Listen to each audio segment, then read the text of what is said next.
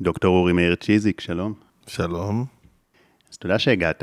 היום הולך להיות לנו פרק על תזונה, שבעצם אה, יכלול גם רקע מרתק, כי אתה בעצם אה, דוקטור להיסטוריה של הרפואה והתזונה, וכששמעתי את ההרצאות שלך, זה גרם לי להבין כל כך הרבה אה, דברים על איך, איך הגענו למצב שאין אוכל בריא באמת לקנות בסופר.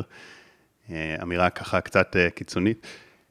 וגם אחרי שתספר לנו כמה דברים שאני יודע שיש אין סוף, אבל נבחר כמה מה, מהעניינים ופותחי עיניים, נדבר גם על כמה טיפים מעשיים וקלים ליישום, שגם אנשים שהם לא טבחים עכשיו יכולים אה, ליישם כדי לאכול קצת יותר בריא, קצת יותר טבעי ולשפר את הבריאות. הייתי רוצה להתחיל מהשאלה הזאת, אה, שהיא מניחה בתוכה משהו, שתגיד לי האם זה נכון. איך הגענו למצב הזה ש... רוב האוכל שמציעים לנו לקנות הוא אוכל לא אידיאלי.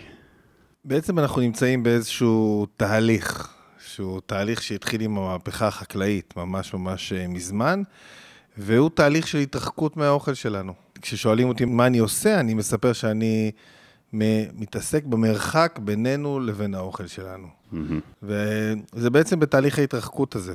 אתה יודע, אם פעם היינו לקטים ציידים, היינו מלקטים את האוכל שלנו ומיד אוכלים אותו, צדים אותו ומיד אוכלים אותו, אז ידענו בדיוק מאיפה הוא בא ומה הוא עבר בדרך.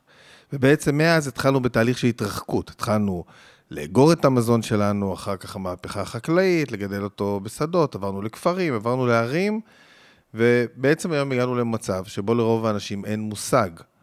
לא מאיפה הגיע האוכל שלהם ולא מה הוא עבר בדרך. בעצם הבנתי שככל שאנחנו פחות יודעים מאיפה האוכל שלנו הגיע, אנחנו מעמידים בסכנה גם את הבריאות שלנו הפיזית, גם את הסביבה שלנו, ואפילו את הקהילה שלנו.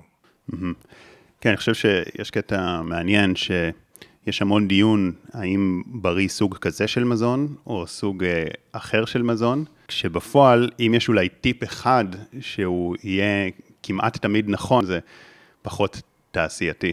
נכון, אנחנו בעצם בשיא. תמיד כשאני מחלק את ההיסטוריה והאבולוציה של התזונה לתקופות, אני אספר שאנחנו נמצאים בתקופה שנקראת עכשיו, עוד אין לה ממש שם, כי אנחנו בתוכה, אבל זה שלטון התעשייה. בעצם שני דברים מאפיינים אותה. אחד, זה שמי שמחליט מה אנחנו אוכלים, או מה רוב האנשים אוכלים, זה לא הם, אלא זו התעשייה. והשני זה שאנחנו אוכלים מזון אולטרה מעובד, מזון שמלא בחומרים שקצרה היריעה כדי שנוכל לתאר את uh, כולם, חומרים שהם לא אוכל. זה התקופה שאנחנו נמצאים בה, אנחנו ממש בתוכה. רגע, אז אתה אומר פה שתי אמירות אה, משמעותיות, שאתה אומר שאנחנו לא מחליטים מה אנחנו אוכלים, זה לא החוויה, בחוויה שלי יש לי מבחר יותר מתמיד, אני הולך לסופר ויש אינסוף אה, מבחר. לגבי החוויה שלנו, אז באמת החוויה שלנו שהיא חוויית שפע.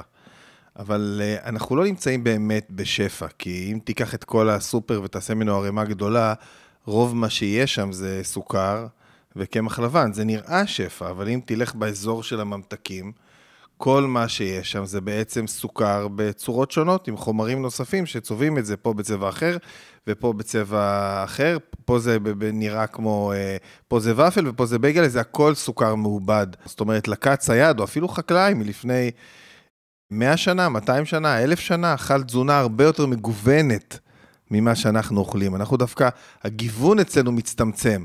אולי הגיוון של האריזות ושל היכולת ייצור שלנו עולה, אבל הגיוון של האוכל מצטמצם. דרך אגב, גם הזמינות שלו.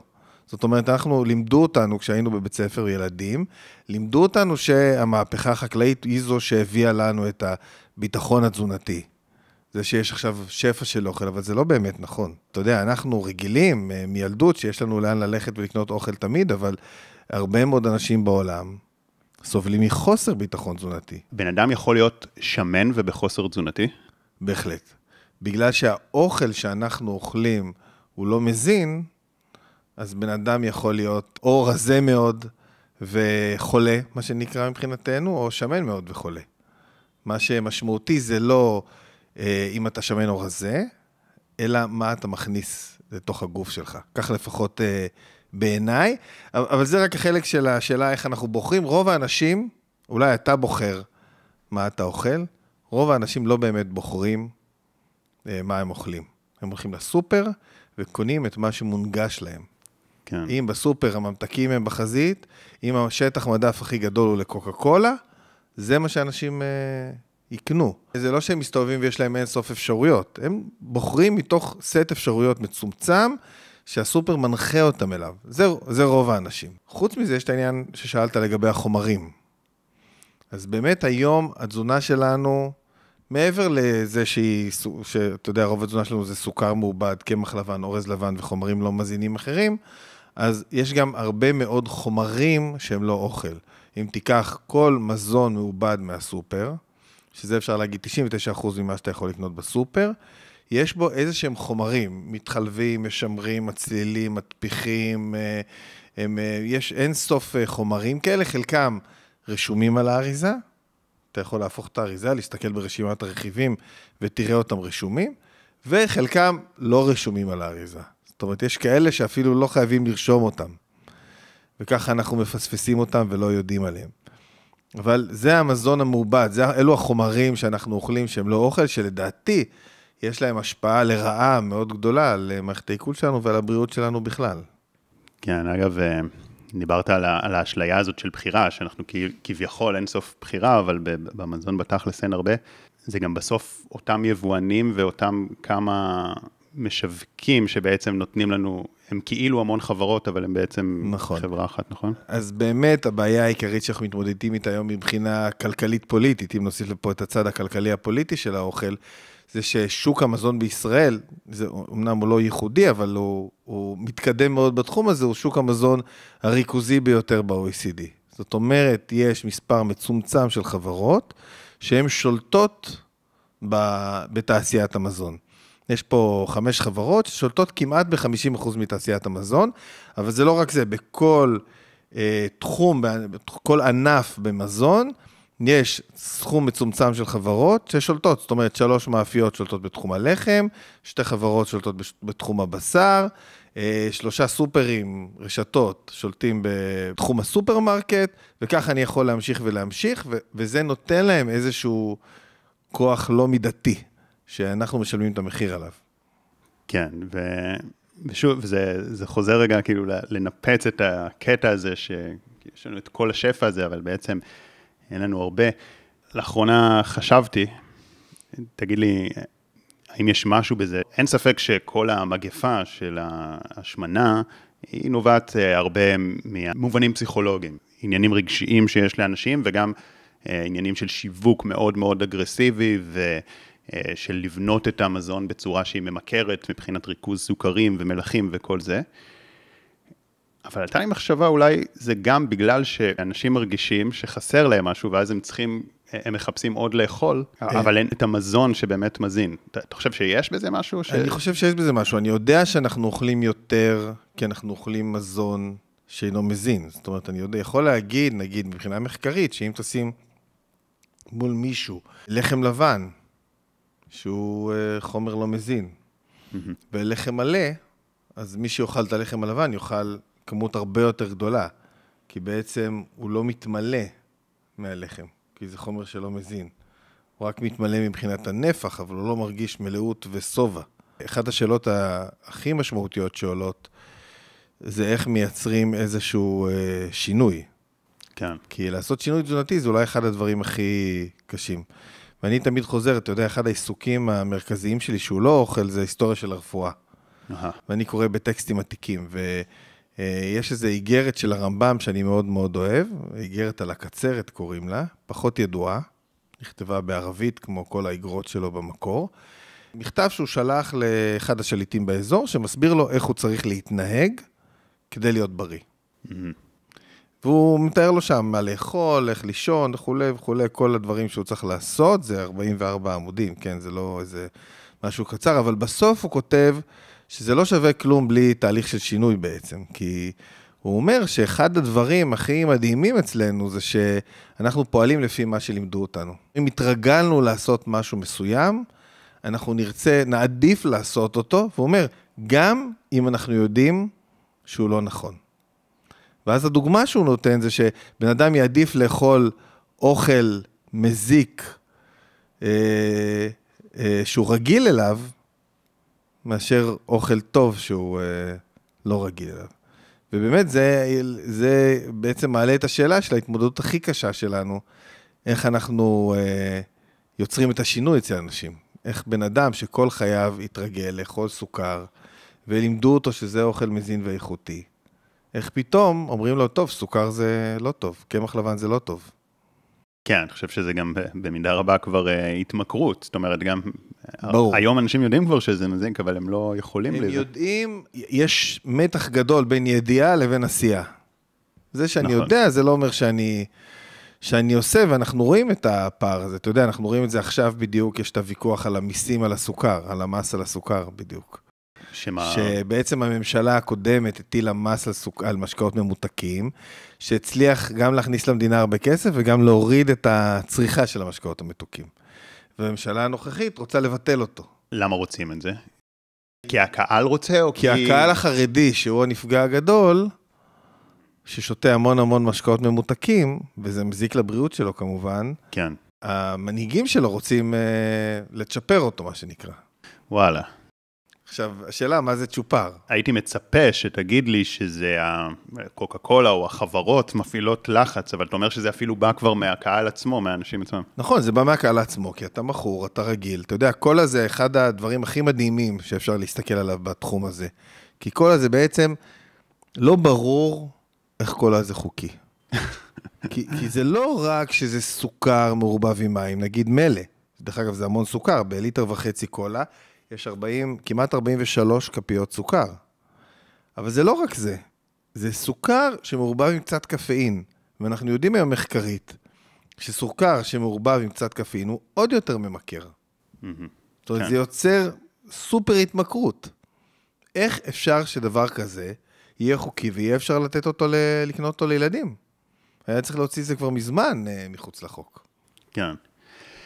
יודע מה, אולי לפני ש, שנדבר על השינוי ו, ומה כן ומה זה, אני חושב שיש משהו בא, באופן שבו אתה מתאר את התהליכים התעשייתיים שקרו, ש, שגורמים לנו להבנה עד כמה המזון שלנו איבד מערכו. אני חושב שיש משהו בכוח של אה, לדעת את אה, מה קרה, שעוזר להבין את זה. אז אני כן אשמח שתדבר אולי, אולי על איזשהו, על סוכר, או על איזשהו מזון, ש, שנבין את התהליך התעשייתי שהוא עבר. תראה, יש מלא מלא סיפורים על, אה, מבחינה היסטורית אתה מתכוון בטח, כן. על אה, תהליכים שעברו על המזון שלנו.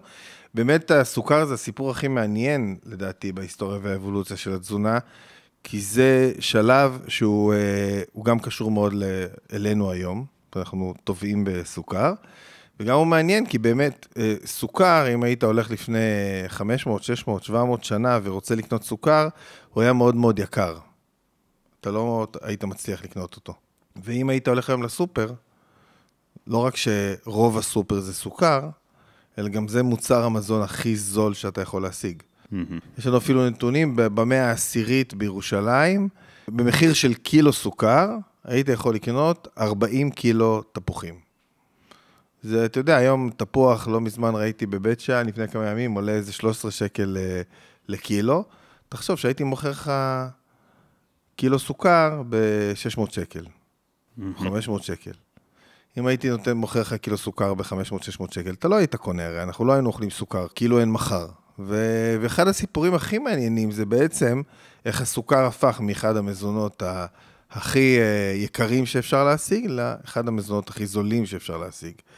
וזה כמובן קשור בכלכלה ובחברה שלנו. סוכר הרי עושים מקנה סוכר, וזה משהו שעשו לאורך כל ההיסטוריה. המקום הראשון שבו יש לנו תיעוד שעשו את זה בצורה מסחרית היה בדלתא של הגנגס בהודו. ואתה יודע, אם פה לא היה קנה סוכר, אז פה עשו סילן תמרים ודבש ענבים, מיצוי סוכרי אחר ששימש פה בעצם בתור סוכר. והסוכר היה גידול מאוד מאוד מוצלח, אה, לכן הוא התחיל לאט לאט להתפשט בעולם. אה, קנה הסוכר, הוא בהתחלה עבר ל... אה, לאימפריה הפרסית ואז לאימפריה הערבית במשך אלפי שנים, ואפילו באיזשהו שלב גידלו אותו בארץ ישראל. אבל הסוכר תמיד היה מאוד מאוד יקר. הוא היה יקר כי כלכלת המזון התנהלה אז בצורה אחרת. כל אזור, נגיד אה, בתל אביב, היה מגדל את המזון הבסיסי שלו, אה, נגיד אה, יפו, ניקח את יפו בתור דוגמה, כי תל אביב לא הייתה. חיטה, שעורה, זיתים, ירקות, פירות, בשר וכולי וכולי, בשביל התצרוכת העצמית, בשביל הקהילה. והיה סוחר במזון המיוחד שלו. והיו סוחרים במזון המיוחד הזה, באוכל הזה, כי הוא היה יקר. זה היה, זה היה מסחר, כמו שצריך. כל אזור היה סוחר באוכל היוקרתי שלו, נגיד אה, גוש חלב היו סוחרים בדבלים שלהם. אה, צפת בגבינה שלה, ציפורי בשמן זית שלה, רמלה ברימונים שלה, אשקלון בבצלים שלה, וככה אפשר להמשיך ולהמשיך, אבל היו סוחרים במזון כי הוא היה יקר, וככה גם הסוכר היה יקר. אתה יודע, וכשמשהו יקר, או שאתה צריך הרבה אנרגיה כדי להכין אותו, אתה משתמש בו בצמצום. אני, לא יודע, הכנתי סילן תמרים לא מזמן מתמרים. אתה יודע, אני שומר על זה כאילו זה אוצר, אני לא שהולך ושופך את זה אחרי זה לכל uh, דבר. כי עבדתי קשה בשביל זה, זה לא משהו שאני יכול פתאום uh, uh, לפזר. אז שכרו במזון כי הוא היה יקר. וככה גם הסוכר. איך זה השתנה? באירופה לפני בערך 400 שנה התחיל תהליך של איור. אנשים עברו מהכפר אל העיר. ובערים הוקמו בתי מלאכה. ובבתי המלאכה פעלו פועלים. ובעלי ההון, שהיו הבעלים של בתי המלאכה, חיפשו מזון שהם יוכלו לתת לפועלים, שגם יהיה מאוד קל להכנה, גם ייתן לפועלים אנרגיה בבוקר ללכת לעבודה, וגם יהיה מאוד מאוד זול, כי הם לא רצו לשלם לפועלים הרבה כסף. וסוכר מאוד איטים. הוא קל מאוד להכנה, שופכים עליו מים והוא נמס. הוא נותן אנרגיה בבוקר ללכת לעבודה, אבל מה? הוא היה מאוד מאוד יקר, והם ניסו למצוא דרך להפוך את אותו סוכר ליותר זול. הם חשבו, חשבו, חשבו, חשבו, חשבו, אמרו וואלה, בדיוק, זה היה לפני בערך 300-400 שנה, גילינו את אמריקה, זה היה אחרי שהם גילו את אמריקה. ובאמריקה יש לנו עבדים אינדיאנים, מקומיים. נשתמש בעבדים האינדיאנים, נגדל באמצעותם את קנה הסוכר, לא צריך לשלם להם כי הם עבדים, ונשלח את הסוכר הזה לאירופה ונמכור אותו בזול. וזה באמת היה, הייתה תוכנית מאוד מאוד מוצלחת. זאת אומרת, הם העבידו את האינדיאני בפרך, הם גידלו להם את הסוכר, איבדו אותו, שלחו את זה לאירופה, וככה היה אפשר למכור לפועלים בזול אה, סוכר, והם הרגילו את הפועלים לסוכר הזה. Mm-hmm. אבל מה, הם לא לקחו בחשבון שכשאתה מעסיק פועלים בעבודת פרך, יש להם נטייה אה, למות. ומהר מאוד נגמרו להם האינדיאנים באמריקה. אבל זה היה מאוד מאוד מוצלח. אמרו, מה נעשה עכשיו? חשבו, חשבו, חשבו, אמרו, וואלה, גם אפריקה שלנו. אבל באפריקה אי אפשר לגדל קנה סוכר. אז, היום כבר מגדלים קנה סוכר באפריקה, אבל אז אי אפשר היה מבחינה טכנולוגית. אז מה נעשה? ניקח את החבר'ה מאפריקה ונעביר אותם לאמריקה. בין 1700 ל-1800 הם העבירו 7 מיליון עבדים מאפריקה לאמריקה, ובעצם זו הייתה פעם הראשונה בהיסטוריה, בקנה מידה כזה גדול, שבה סחרו במזון לא כי הוא יקר, אלא כי הוא זול. בעצם אצלנו במחקר קוראים לזה עוני בצד אחד של העולם, מאכיל עוני בצד אחר של העולם. כי בעצם העניים של אמריקה, עבדים, הכילו את העניים של אירופה, הפועלים. הרי לעשירים גם קודם היה כסף לסוכר. והשיטה הזאת של לסחור במזון בגלל שהוא זול, ושל עוני בצד אחד של העולם, מאכיל עוני בצד אחר של העולם, זו השיטה שהפכה להיות זו ששלטת בכלכלה שלנו בכלל ובכלכלת המזון שלנו בפרט. גם היום זה... גם ככה. היום בעצם, אם אתה הולך לסופר וקונה משהו זול שהגיע מרחוק, מישהו משלם על זה את המחיר. זה יכול להיות הסביבה, זה יכול להיות שישתמשו בחומרים שמזיקים לך, וזה יכול להיות שניצלו את האנשים. כן. אתה אומר, או שיש מישהו שבעבדות מודרנית. בדיוק. או שזה גדל בתנאים, אה, כאילו, עם מי, אה, איך, קוראים, איך אומרים? מי, אה, מי קולחין, כן, וריסוסים, וחומרי עיבוד נוראים. אנשים יקרים, מיד נמשיך בפרק. רק רציתי לספר לכם, שאם אתם אוהבים את הפודקאסט, אני מזמין אתכם להצטרף בחינם אל קבוצת הוואטסאפ הסגורה, שבה אני שולח פעם בשבוע משפט השראה, פלוס תוכן מעצים ואיכותי. קישור ההצטרפות נמצא בתיאור למטה. וגם מזמין אתכם לעקוב באינסטגרם ובטיק טוק, שם תוכלו למצוא סרטונים ממוקדים וככה לצרוך תוכן משמעותי שתורם להתפתחות שלכם באופן יומיומי. ואם גם בא לכם לשתף את הפרק בסטורי ולתייג אותי, תדעו שאני תמיד משתף גם אצלי, ואני מאוד מעריך ומוקיר את השיתופים שלכם. זה עוזר לי להגיע לעוד אנשים ונותן לי מוטיבציה להמשיך להשקיע ולייצר את התכנים הכי איכותיים שאני יכול. מודה לכם על ההאזנה והתמיכה, ואנחנו ממשיכים. הסיפור הזה של הסוכר זה ההתחלה של הקפיטליזם. מה זה קפיטליזם? קפיטליזם בעברית, במשמעות, אתה יודע איך אומרים קפיטליזם בעברית? לא. יש לו מילה בעברית לקפיטליזם, קוראים לזה, זה האקדמיה ללשון עברית המציאה כמובן, קוראים לזה הונתנות. הונתנות. הונתנות. כאילו אתה, אתה נהנה מההון שלך. כן. ליהנות מההון שלך, זה בעיקר אה, מהבחינה של הכוח שהוא נותן. דיברנו גם על הריכוזיות. הריכוזיות, אתה יודע, היום מדברים על ריכוזיות, אם נקשר עכשיו את שני החוטים האלו, היום כשמדברים על ריכוזיות, מדברים על יוקר המחיה. יוקר המחיה זה סעיף מאוד קטן בריכוזיות. ההשפעה של הריכוזיות על החיים שלנו היא הרבה יותר גדולה. כי הריכוזיות משפיעה, הכוח הזה של החברות משפיע על הרגולציה, משפיע על איך שמסודר הסופר ומה אנחנו אוכלים, משפיע על עוד כל כך הרבה דברים, שהם לא רק המחיר הסופי לצרכן, אז את, את הישראלים מעניין המחיר הסופי לצרכן, בצדק. אבל זה לא הכל, זה רק קצה הקרחון של איך הריכוזיות פוגעת בנו. הרי הממשלה צריכה לשמור על הבריאות שלנו, היא לא יכולה כשלתעשייה יש כל כך הרבה כוח. נתת אופן אחד אה, מזעזע שבה הקפיטליזם, אה, במקרה הזה של האוכל, אה, גורם לעבדות ולעוני. באיזה עוד אופנים זה פוגע במזון שלנו? באופן הרגולטורי, בעצם התעשייה, בגלל הכוח הרב שלה, משפיעה על הרגולציה. שבעצם מה התפקיד של הרגולציה של ההסדרה? לתת כללים עבור התעשייה כדי להגביל אותה, שלא תוכל לעשות כל מה שהיא רוצה. שאי אפשר יהיה להכניס חומרים ממכרים, לתוך אה, משקאות, לדוגמה. וברגע שלתעשייה יש כל כך הרבה כוח, הרגולציה, הרגולטור, באיזשהו שלב מתבלבל. ובמקום לשרת את הציבור, שזה אנחנו, ולהגן עליו מפני אוכל תעשייתי, הוא משרת את התעשייה. ואז האוכל שאנחנו אוכלים הוא יותר תעשייתי ופחות מזין. הרגולטור, התפקיד שלו זה להגן עלינו. אם יש משהו שהוא מזיק, נגיד, אפשר לתת דוגמאות מתחומים אחרים, אה, סיגריות, אז התפקיד של הרגולטור זה לעשות מס על סיגריות, למנוע עישון במקומות ציבוריים.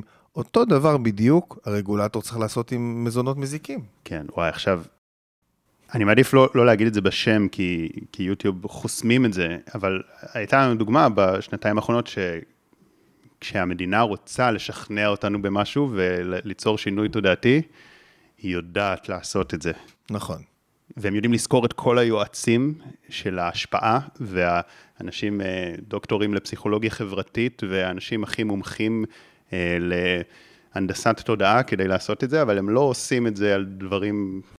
נכון, וזה בדיוק מה ש...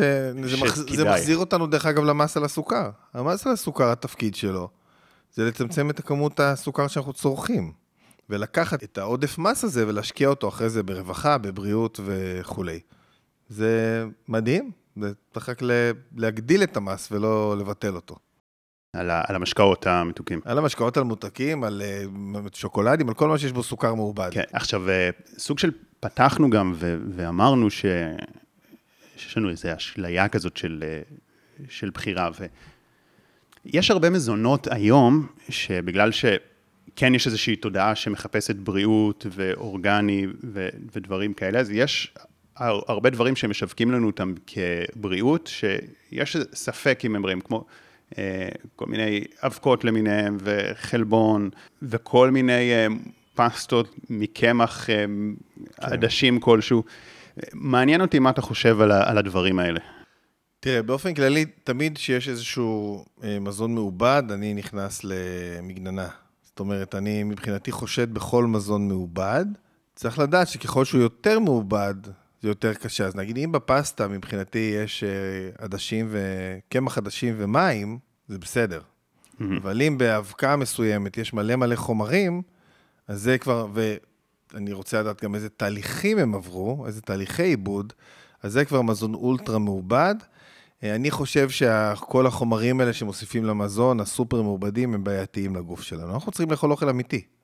מהמם. אוכל אמיתי, אין, אין היום בעיה להשיג אוכל אמיתי איכותי וגם לא אה, כל כך יקר. כן, רגע, ויש אבקות, דברים שהם באים באבקה שהם כן סבבה?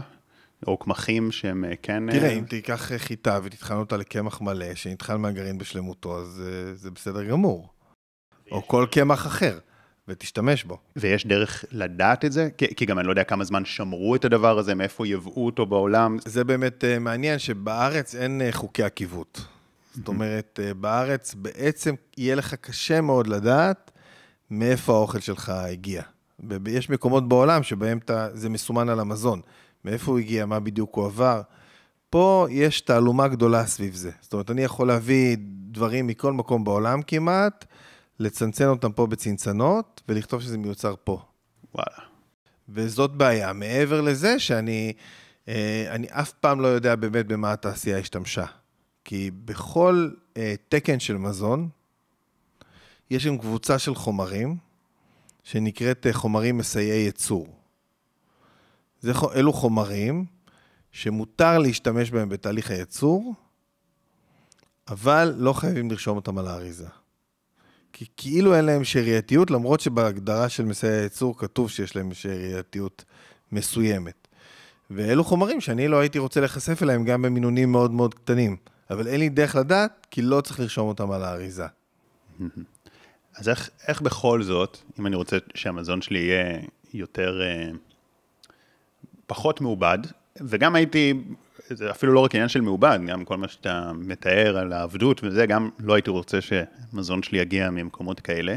אני מניח גם שזה הולך ביחד, בדרך כלל מי שמזלזל לאנשים ככה, מזלזל גם בי. כן. אני מניח שזה הולך ביחד. איך אני יכול לדעת, אם אין לי את הסימונים האלה, מאיפה אני מביא מזון שהוא איכותי? הפתרונות המגוונים, הפתרון שלי הוא, אה, הוא גם לאכול אוכל כמה שיותר גולמי, זאת אומרת לקנות מזונות כמה שפחות מעובדים.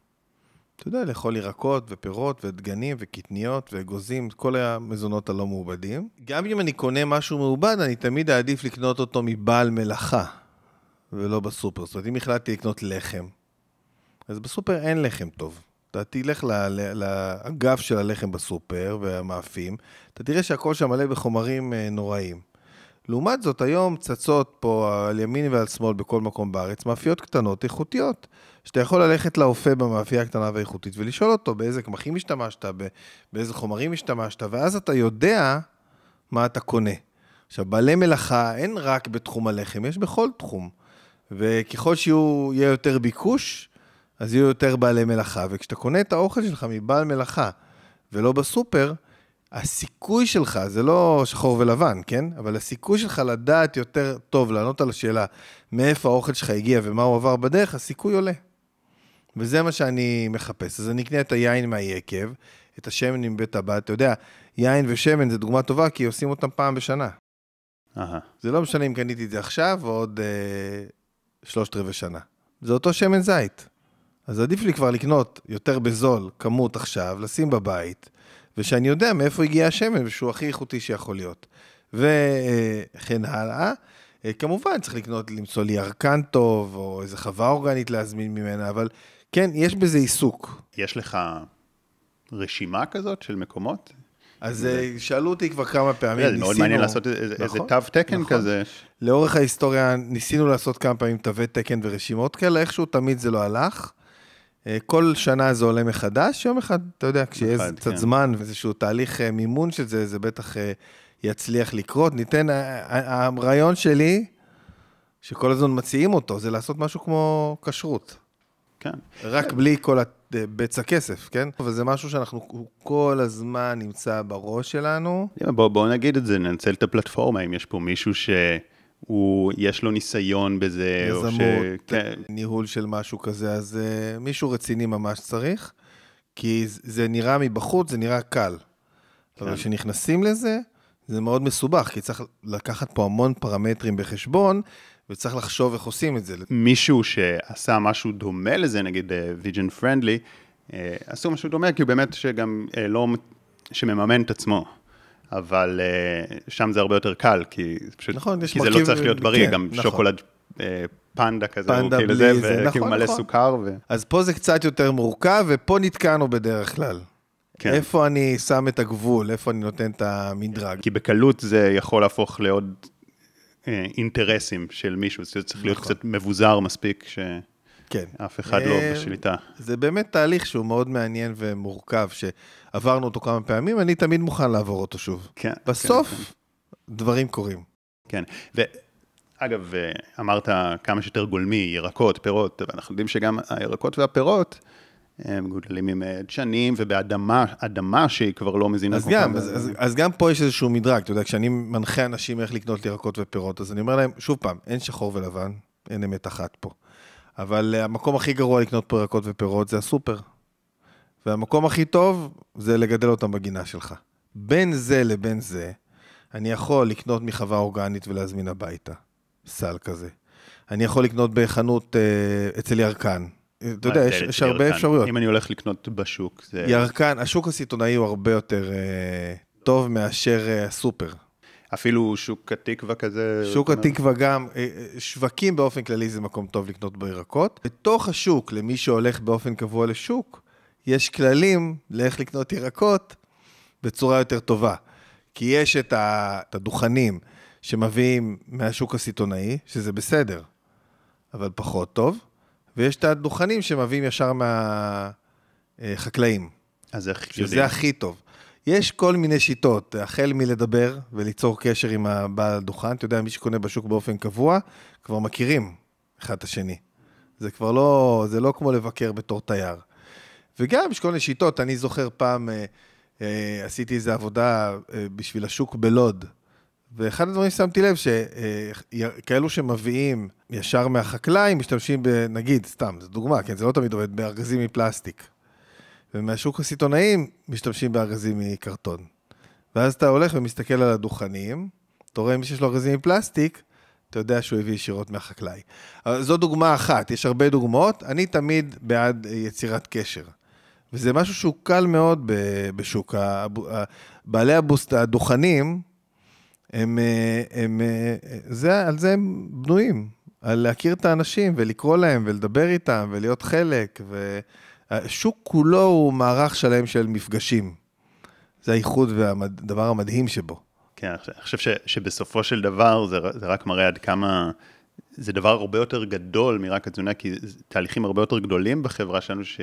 כי אני חושב, ללכת לשוק, זה לוקח הרבה יותר זמן מללכת לסופר, או להזמין בכלל מהסופר. נכון. בגלל זה משהו יותר גדול של, של המרוץ הזה, כאילו שהקפיטליזם הוא, הוא יותר גדול מרק האוכל, זה כל נכון, ה... נכון, יש, אה, אתה יודע, אבל. גם אה, חלק מהחוויה של המפגש ושל החיים ושל הקהילה זה ללכת לשוק או לירקן, זה משהו אחר.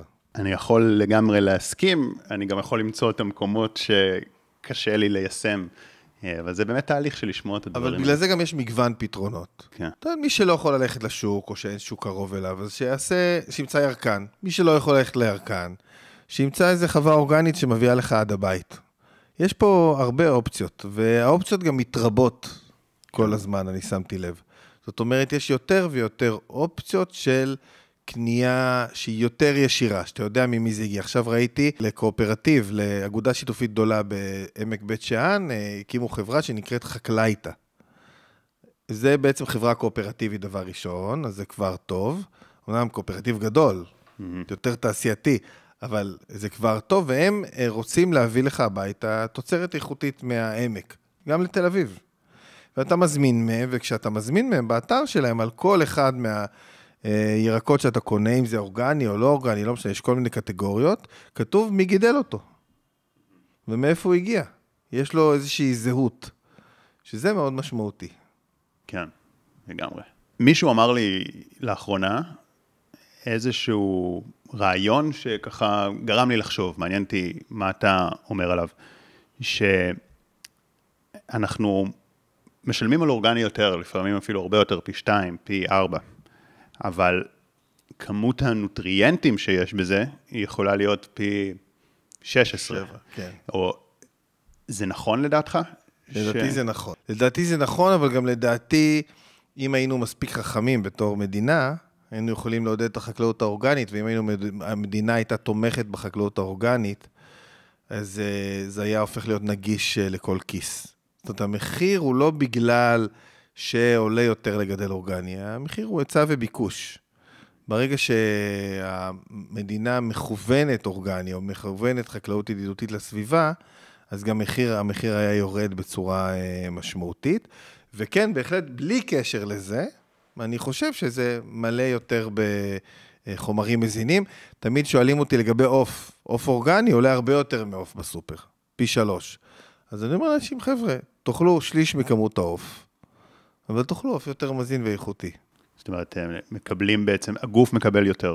בדיוק, אנחנו גם ככה אוכלים הרבה יותר מדי, כן. באופן כללי. לא, זה באמת קטע מעניין, שאנחנו אוכלים יותר מדי, אבל לא בהכרח, חומר מזין. כן, לא בהכרח מזינים את הגוף, להפך, כאילו הגוף עובד מאוד קשה לפרק את זה, אחר כך לנקות את כל הרעלים האלה. נכון, ו... נכון.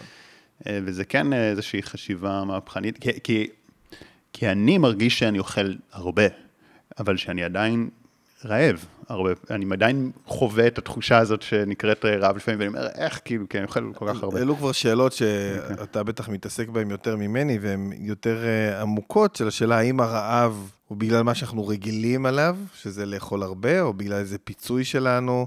אתה יודע, יצרו לנו סט פיצויים בילדות, שכשאנחנו לא מרגישים טוב אנחנו רוצים לאכול וכולי, או שזה רעב אמיתי. זה, זה מה שהרמב"ם היה שואל, לפי דעתי. אני ספציפית, אה, יחסית גם באמת אה, רזה, אני מניח שיש לי, אבל כמובן יש גם craving, עכשיו נגיד הזיזו את השעון, אז אה, הייתי רגיל כזה בארבע לאכול משהו, פתאום אני שם לב שבשלוש, כי, כי הזיזו את השעון, אז אה, אני ממש מרגיש את אותה תחושה, זה רק הראה לי כמה הרגלים, וממש גם... תחושה של בא לי משהו. עוד שאלה זה האם זה לא בסדר אולי להיות רעב?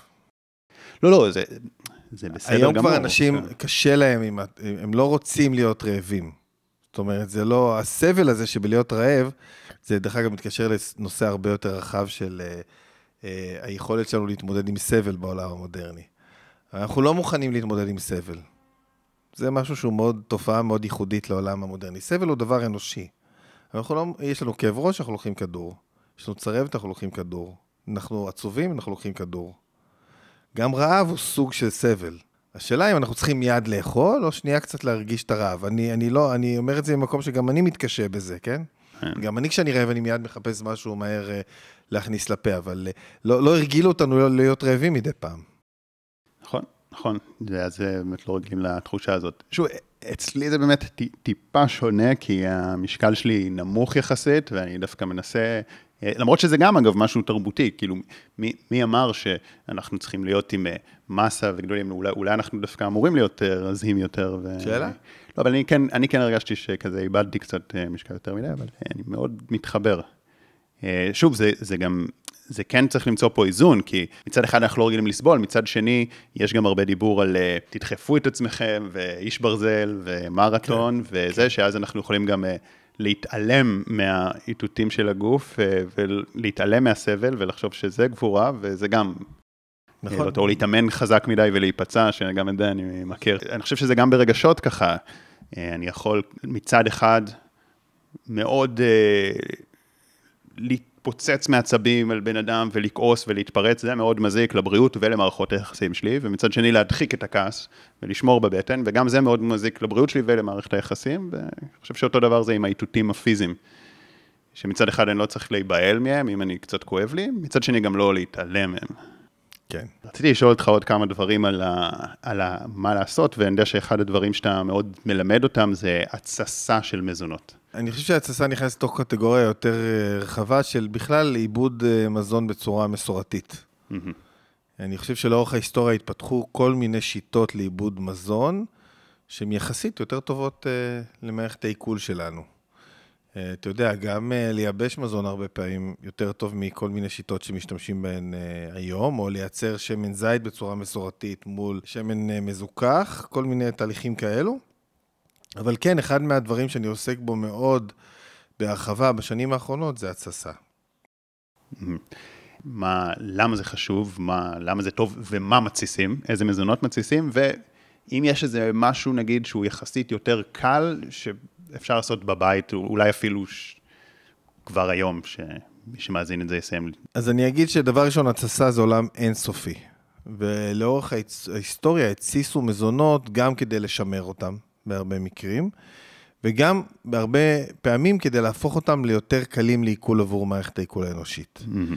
ובאמת זה אינסופי, אפשר לעשות ירקות כבושים, ולחם מחמצת, וגבינות מאגוזים או גבינות מחלב, ויש באמת אינסוף חומץ ויין, אינסוף שיטות אה, התססה, אפשר לדבר על זה שעות. אני תמיד אומר לאנשים שהדבר הכי טוב להתחיל בו זה כרוב כבוש. מהמם. כי כרוב כבוש קשה מאוד uh, להרוס. וזה מאוד מאוד פשוט להכין uh, כרוב כבוש, אפשר למצוא מלא מתכונים, אני יכול גם לתת בקצרה מתכון, ואז זה איזשהו פתיח ל- לעניין הזה של תסיסה, כי לא צריך הרבה פה, צריך כרוב וצריך סכין וצריך משקל ומלח וצנצנת. אז כן, אני אשמח לשאול אותך שאלות גם בתור מישהו שרוצה, אפילו עשיתי, אבל אני כזה עוד לא בטוח בעצמי, ואני...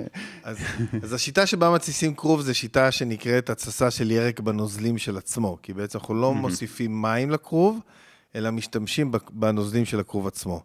אנחנו קוצצים את הכרוב לרצועות בדרך כלל, ומוסיפים לו 2% מלח. זה החלק הכי מסובך. צריך משקל, שוקלים על כל אה, קילו כרוב, מוסיפים 2% אה, זה קריטי. ה-. אה, כדאי מאוד שזה יהיה בטווח. זאת אומרת, אפשר גם לחשב שכרוב שוקל בערך קילו, ואז אה, כף וכפית יכולים לכסות את ה... כי כף זה 15 גרם מלח, וכפית זה 5 גרם מלח, אבל עדיף להשתמש במשקל. בכלל, משקל זה דבר פשוט וקל היום. פילי הטכנולוגיה, אצלך בבית, אתה יכול לשקול כל דבר. אז אה, 2% מלח, ונותנים לכרוב, מעשים אותו קצת, ונותנים לו איזה חצי שעה להגיר את הנוזלים שלו.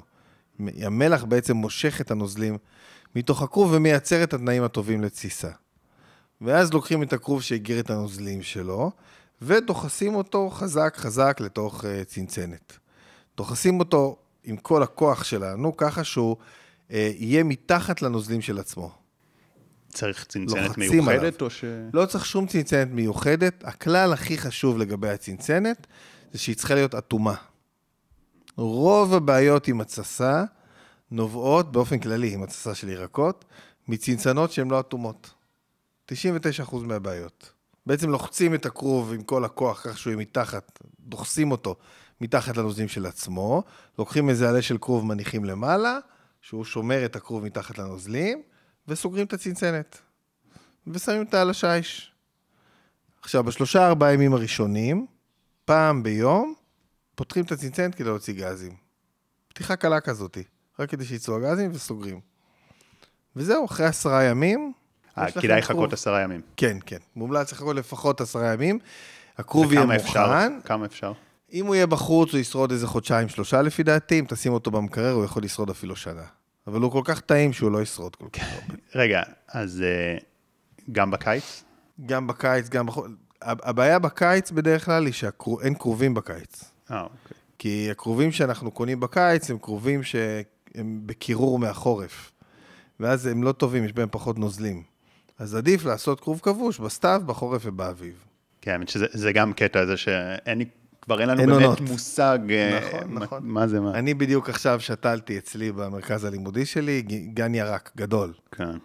ואני רואה כמה זה משמעותי להבין מתי אתה יכול לגדל, מתי אתה לא יכול לגדל. אנחנו נכון. רגילים שהכל בא כל הזמן. כן, אני, אני גם קיבוצניק, אז אני עוד קצת מכיר, אני קצת יודע, אוקיי, וגם יש את החגים, אז אני יודע, רימונים זה בראש השנה, ו... אז יש כמה דברים, אבל ירקות, אה, מי יודע כבר, אה, פירות לפחות, אתה עוד רואה את זה על העצים. ולגבי הכרוב, אפשר להוסיף גם אה, שום וסלר, אפשר זה להוסיף נכון? שום וקצת גזר מגורד, שמיר, שומר, כל מיני כאלו. והם גם, בעיה. זה טוב להם. חלק מההתססה, כן. אותו, תהליך. אותו תהליך. ואתה אומר בכלל בלי מים, רק מלח? בכלל, רק בנוזלים של עצמו. יש כל מיני שיטות, השיטה הזאת נקראת התססה של ירק בנוזלים של עצמו. באותה דרך בדיוק אפשר לעשות אה, לימון כבוש. כן. ממש אותו דבר, זה יכול להיות בעצם בכל טמפרטורה, ו... ממש. ואפשר לפתוח את זה, להוציא, לסגור, ו- ל- לסגור, הכל בסדר. צריך להיות יותר רגועים בתחום הזה של התסיסה, לא לפחד שהיא- מקלקולים. כן, קשה עשיתי את מאוד זה, לקלקל. וזה זה עומד על השיש, ואני כאילו, זה מרגיש לי לא טבעי. איך אני משאיר ככה מזון על השיש כל כך הרבה זה ימים? פילי הטכנולוגיה העתיקה. כן. זה עובד אה, מדהים, ותדע לך שככל שנכנסים יותר עמוק לתחום ההתססה, זה יותר, אה, נחשפים יותר דברים מגניבים. והמסורת הזאת, בזכות התעשייה, כמעט נעלמת לגמרי. אחת המטרות שלי זה לקחת אותה, את המסורת הזאת, ולהחזיר אותה הביתה, שכל אחד ידע להתסיס. זה גם טוב למשפחה, טוב לחיבורים במשפחה, כי עושים את זה כן. ביחד. אז אתה גם אומר, בגדול, אתה לא בעד פרוביוטיקות אני לא כאלה? בעד פרוביוטיקה, אין, אין סיבה לי, אני מעולם לא השתמשתי, אני מתסיס כבר המון, תבוא אליי, יש לי חדרים שלמים של דברים מוצסים, ואני מעולם לא השתמשתי בפרוביוטיקה, אין שום צורך. כן, שזה, שזה נקודה מעניינת, כי מדברים הרבה על המייקרוביום, על חיידקי המעיים, ואין ספק שזה משמעותי, אבל ה- מפה לגזור את המסקנה, שזה אומר שצריך לקנות פרוביוטיקה, זה מסקנה שהיא לא כן, בהכרח... נכון. אה, ממש ככה. זה שהמחקרים מראים שזה חשוב, לא בהכרח אומר שצריך את נכון. התוסף. אה, איך אתה עם תוספים באופן כללי, עם הקונספט באופן הזה? כללי אני מתנגד לתוספים, אלא במקרים מאוד מאוד קיצוניים. שאנשים בריאים לא צריכים לקחת uh, תוסף, וצריך לנסות לאכול תזונה בריאה ומזינה שמשלימה את כל החוסרים. כן, ו... ואנשים שקשה להם לעשות את כל השינוי, שבכל זאת הם עובדים קשה ועמוסים, וכל במקרים המזונות על, קיצוניים אתה צריך בעד? או- לראות, אה, קשה לי עם מזונות על, כי גם זה תעשייה מאוד מאוד גדולה. אני קורא להם מזונות על, עם א'. כן. אתה יודע, המזון על הכי טוב זה לקטוף חסה מהשדה. כל אחד צריך למצוא את הדרך, לדעתי, גם אם זה קצת יותר קשה, לאכול תזונה איכותית ומאוזנת. תגיד, אני אשאל אותך שאלה ככה לקראת סיום, אה, שנינו מאזור אה, גיאוגרפי דומה. כן. אחובזות. החובזות, שנמצאות בכל מקום, לא רק באזור הגיאוגרפי שלנו. כן, תכלס, נכון, אבל אה, בתל אביב אתה לא רואה אותם. אה, פשוט, אה, לא יודע, אצלי זה כאילו שדות אה, שלמים. ליד הבית. ו... כן.